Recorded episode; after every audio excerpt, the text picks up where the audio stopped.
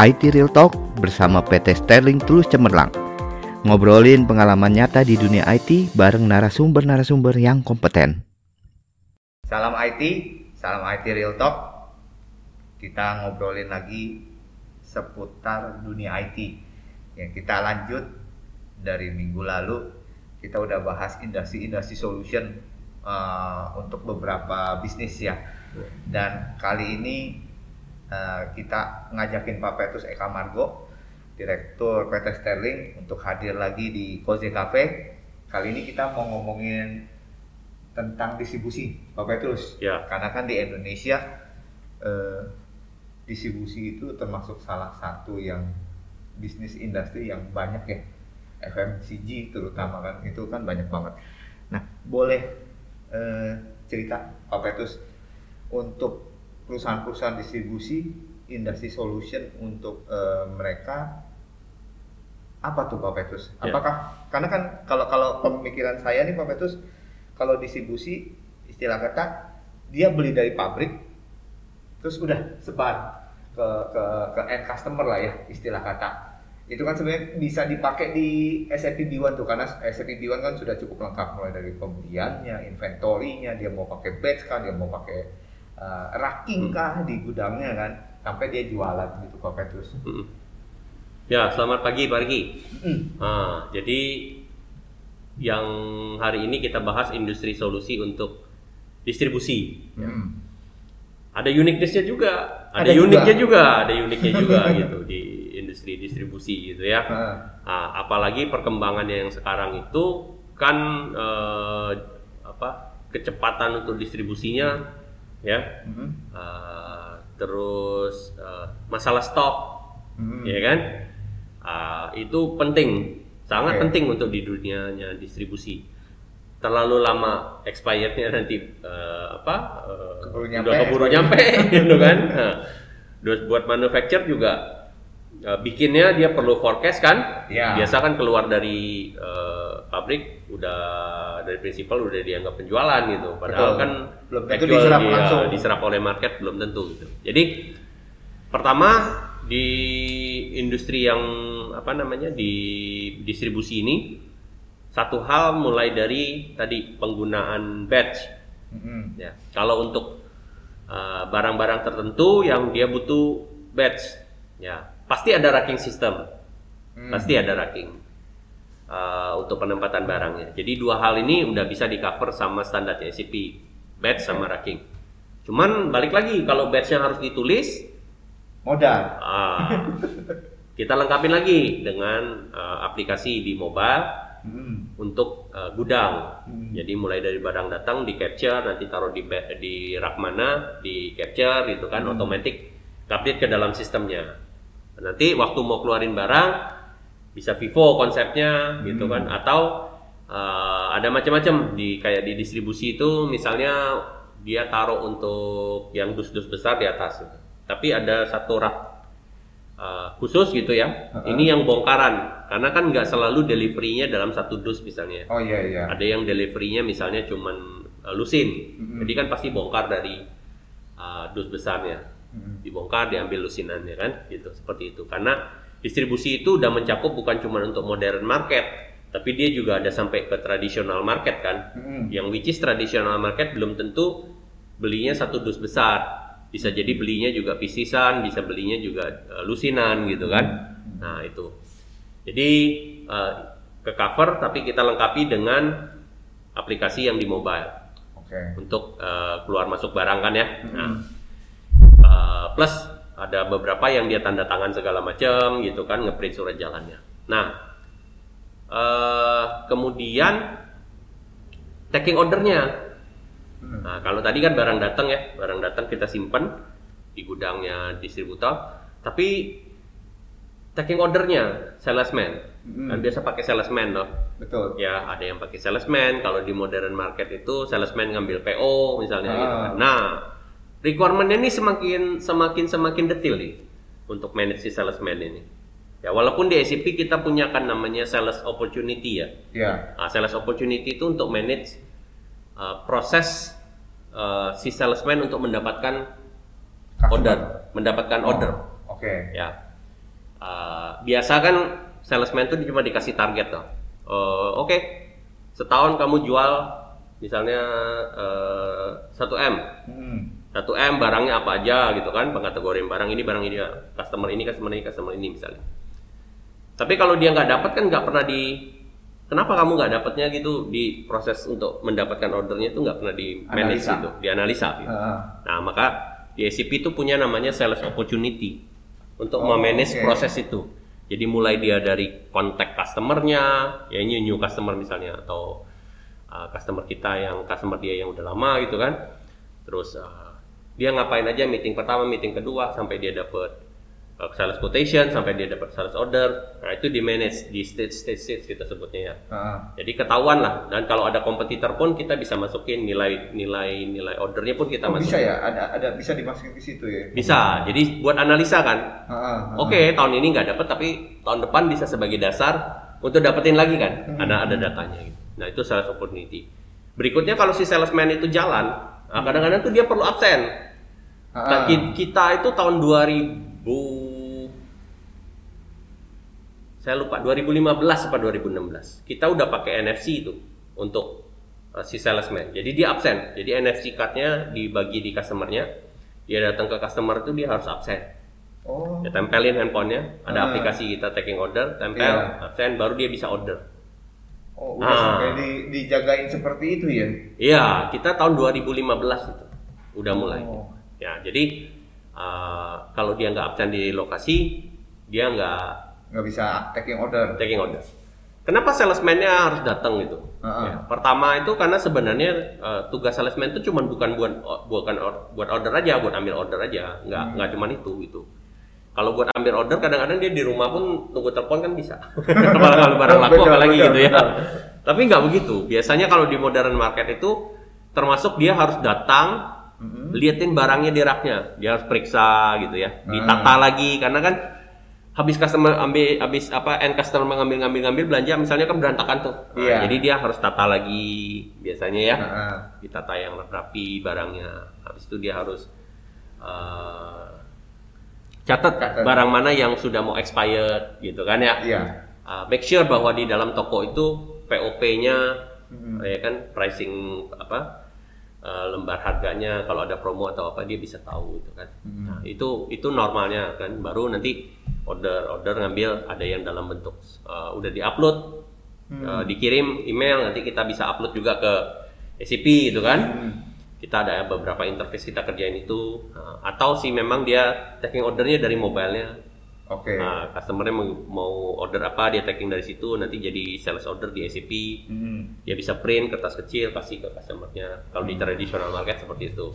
Ya, kalau di modern market biasanya kan PO, mereka ada PO, PO, PO kan. Hmm. Nah, PO-nya tuh eh, ada yang kita bisa interface kan lah di masuk ke SCP. Hmm. Nah, kan kita punya juga yang sekarang solusinya pakai UiPath kan.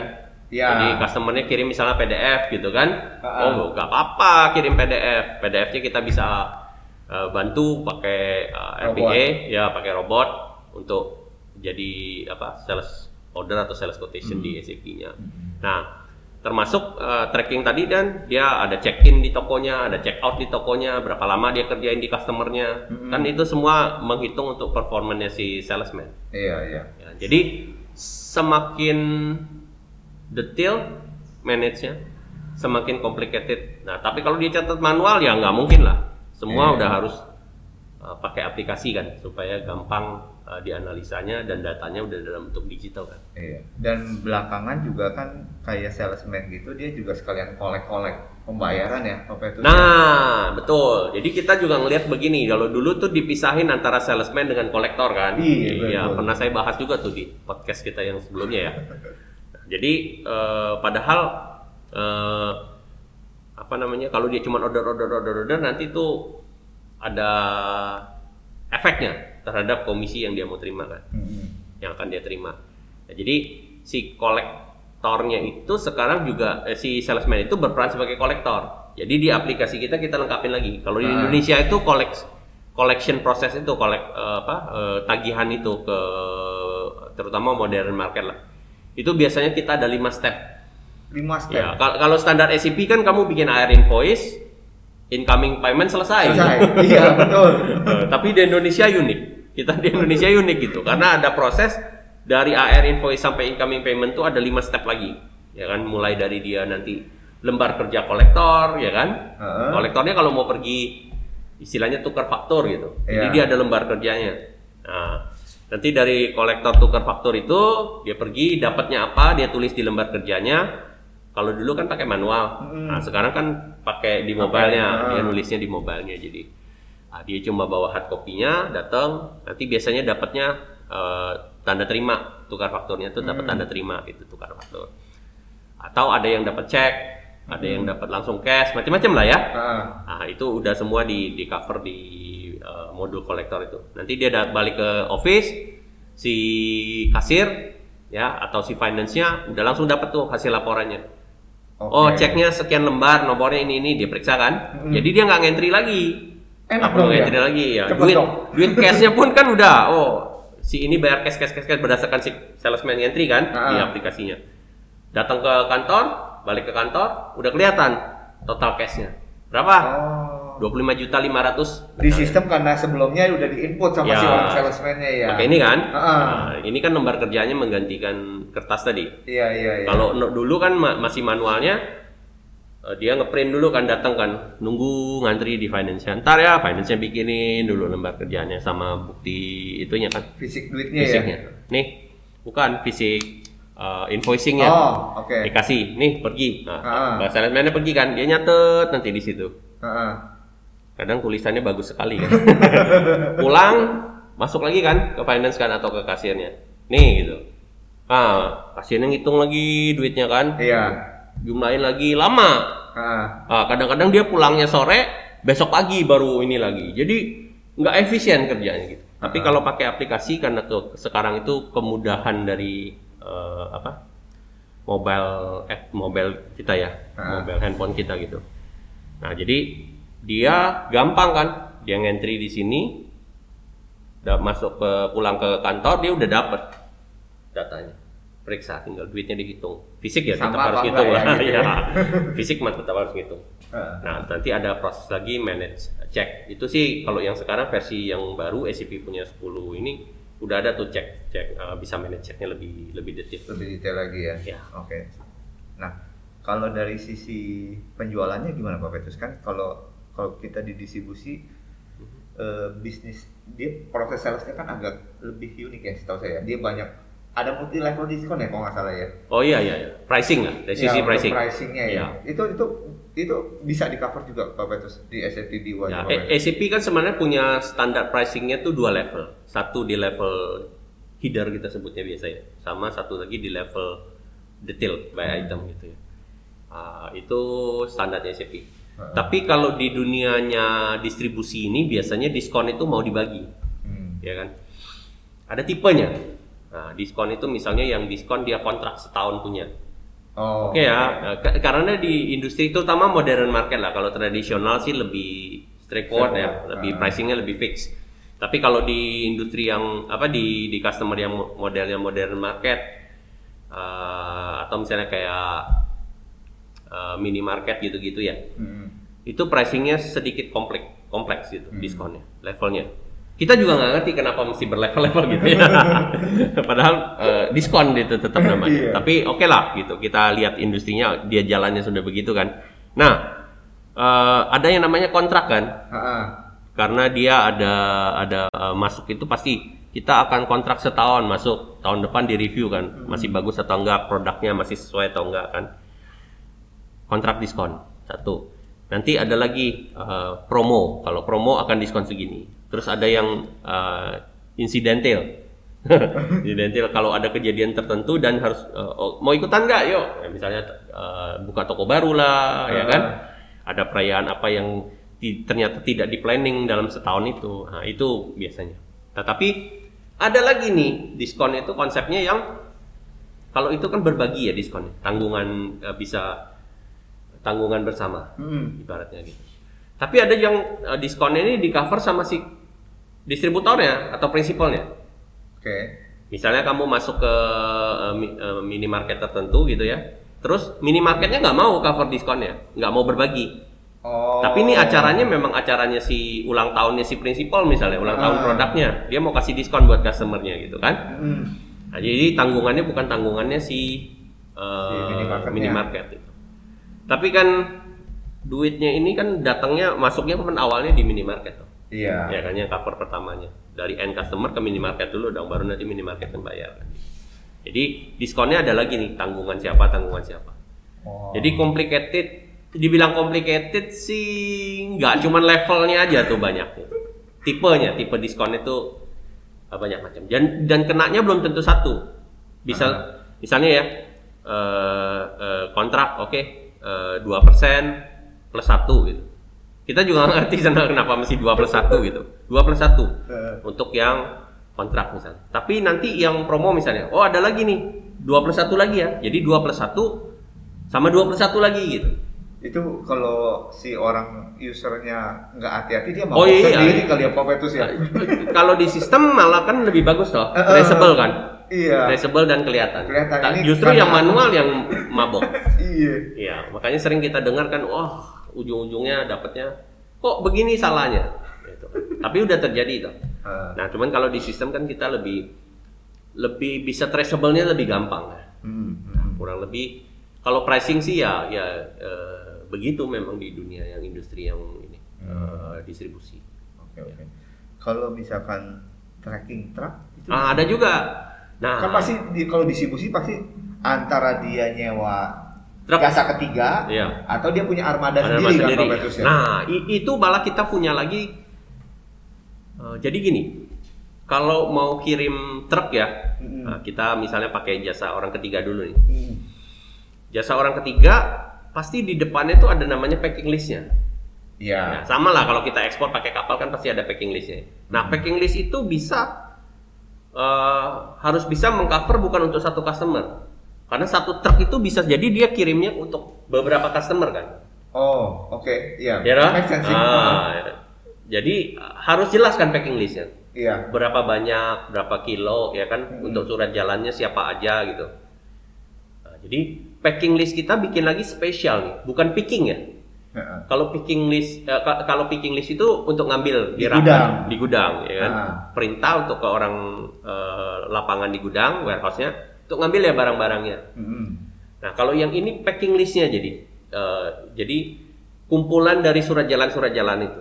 Jadi Ah. packing list. Nah, kita udah punya lagi itu tambahan solusinya. Buat apa sih?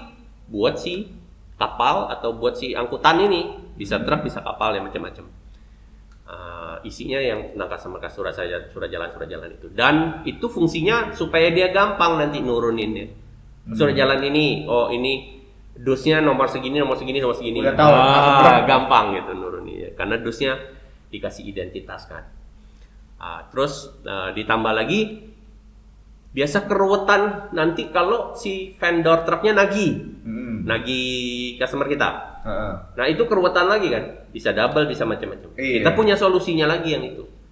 Jadi waktu dia kirim nomor truk, sopir segala macam kan kita eh, apa capture, Catat. Kita catat di dalam surat jalannya atau eh, apa packing listnya itu. Jadi waktu dia datang nanti si orang finance-nya yang periksa, yang proses TW matchingnya dokumen vendor, dokumen kita di sistem dengan eh, apa namanya surat jalan kita gitu ya. Nah diperiksa kan di sistem. Mm. Waktu periksa itu dia cuma tik tik tik tik, tik aja karena udah data datanya udah difilter. Oh. Jadi gampang kan totalnya nggak sama nih segini Ah, ya. kan ah. kenapa?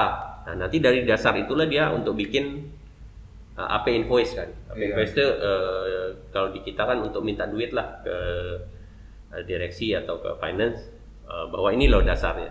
Mm, mm. Nah, nanti di approve baru outgoing payment kan, Iya. pembayaran. Karena kalau misalnya distributor apa eh, perusahaan ekspedisinya nggak punya sistem memang iya. mereka Bisa-bisa double dapat. banget, Iya, bisa iya. double banget dan kalau kita Bisa jadi dia nggak nagih juga, hilang. kalau nggak lagi ya udah. Oke. Iya. Nah kalau yang yang yang punya armada sendiri Pak Petrus Kalau armada sendiri kan lebih ke sebenarnya bukan proses itunya, tapi maintenance mobilnya. Oh, Oke. Nah, itu mungkin bahasan berikutnya lagi. Oh, Oke oke oke. Industri solution berikutnya lagi kita ada lagi itu untuk yang khusus untuk uh, fake asset maintenance namanya. Iya iya karena itu asetnya Mirip kita. ke ya. plan maintenance lah. Oke oke. Oke. Oke, Pak Petrus, terima kasih waktunya sudah uh, sharing uh, ke kita nih. Jadi sebenarnya bukan cuma ngomongin industri solutionnya sih Pak Petrus hmm. selama ini ya. Jadi ngomongin uh, bisnisnya, kasih insight-insight yeah, sebenarnya yeah. secara nggak langsung. Oke, uh, terima kasih teman-teman. Itu tadi uh, kita ngobrol uh, santai dengan Pak Petrus tentang industri solution dan distribution. Jangan lupa ikuti terus podcastnya kita di Spotify, di Apple, di Google, dan kalau nanti teman-teman ada perlu mau tahu lebih detail uh, tentang jasa-jasanya kita, produknya kita, nanti bisa masuk ke www.sterlingdestim.com.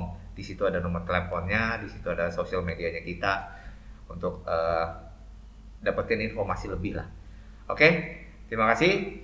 Salam IT, salam IT Real Talk. Bye bye.